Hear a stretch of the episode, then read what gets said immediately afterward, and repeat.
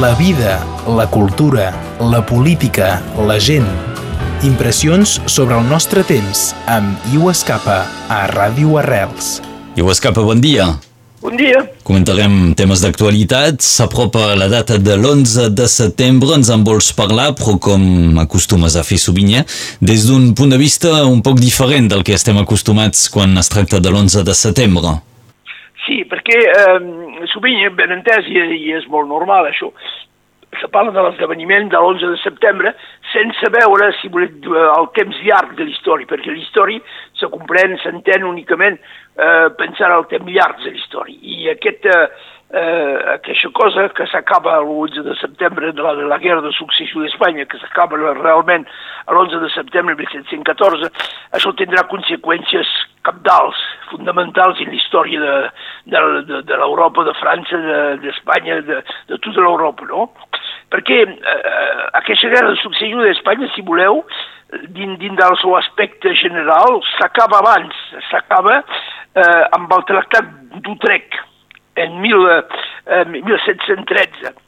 Aquest tractat d'Utrecht, si voleu, posa fi a la participació de la Gran Bretanya i de, de, de quasi tots els altres estats eh, europeus eh, en contra d'Espanya i de França, eh, i perquè trapen un acord per, per acceptar finalment que sigui el Borbó que, que se posés en, eh, com rei de, de, de l'estat espanyol, però en un preu, en un preu extraordinari, no?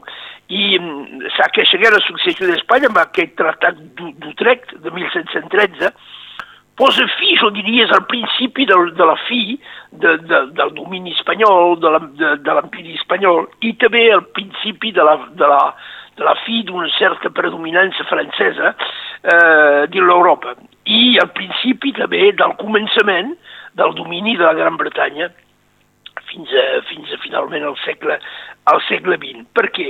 Perquè finalment el, els anglesos que, que lideraven l'oposició al Borbó eh, francès pel rei d'Espanya, perquè volien pas a, a cap preu que les dues corones, França i Espanya, siguin unides, no?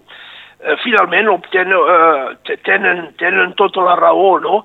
Perquè eh, acaben d'aquest tractat el, el nou Borbó d'Espanya renuncia a la corona francesa i els, els seus cosins de França renuncien a la corona espanyola. Mai els dos estats, eh, és una promesa que mai els dos estats seran units i això és la fi d'aquest somni de, de Lluís XIV la fi de la seva vida, no?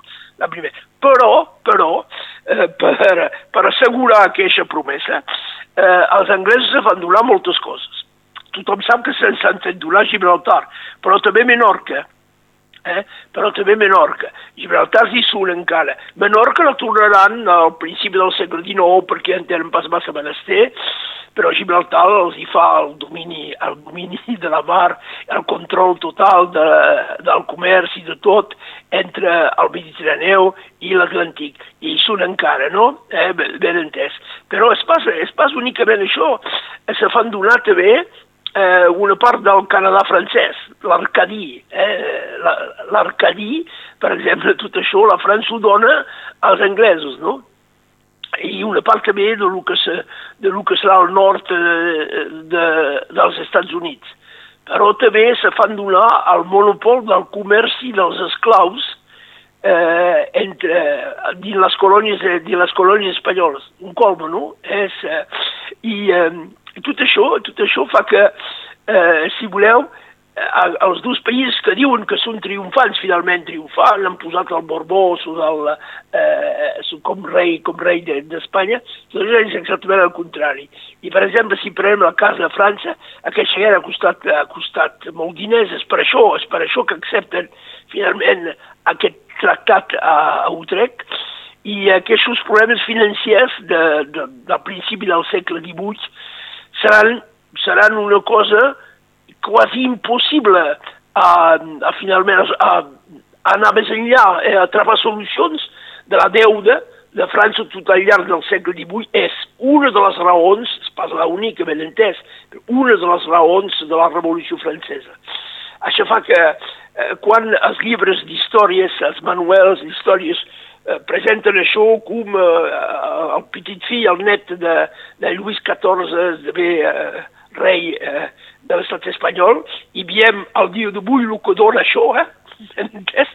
I eh, dient, bé, finalment, tot això és un, eh, és un èxit de França i un èxit d'Espanya, és exactament el contrari.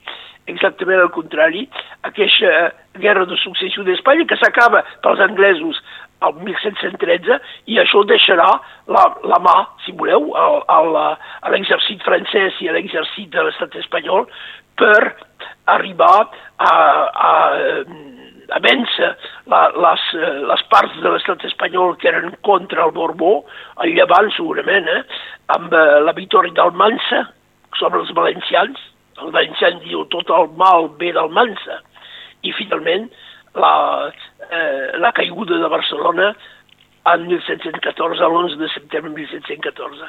Això va que aquesta caiguda de Barcelona, que és eh, una cosa terrible, finalment, per, eh, per Catalunya, és, és, pensi, encara més terrible per, eh, per Espanya i molt problemàtic per França, i això deixa eh, el camí obert a la dominació del món per, eh, per, per la Gran Bretanya durant molt temps, finalment fins a la Primera Guerra Mundial. Eh? Voilà, aquí les conseqüències a llarg termini de lo que és presentat eh, de l'estat espanyol i l'estat francès com un triomf, no? Eh. Donc si avui és un petit repàs històric de les conseqüències que ens porten molt més lluny eh, de, de, de les fronteres de Catalunya o fins i tot de l'estat espanyol, quan manquen pocs dies per la, la celebració de la diada de l'11 de setembre.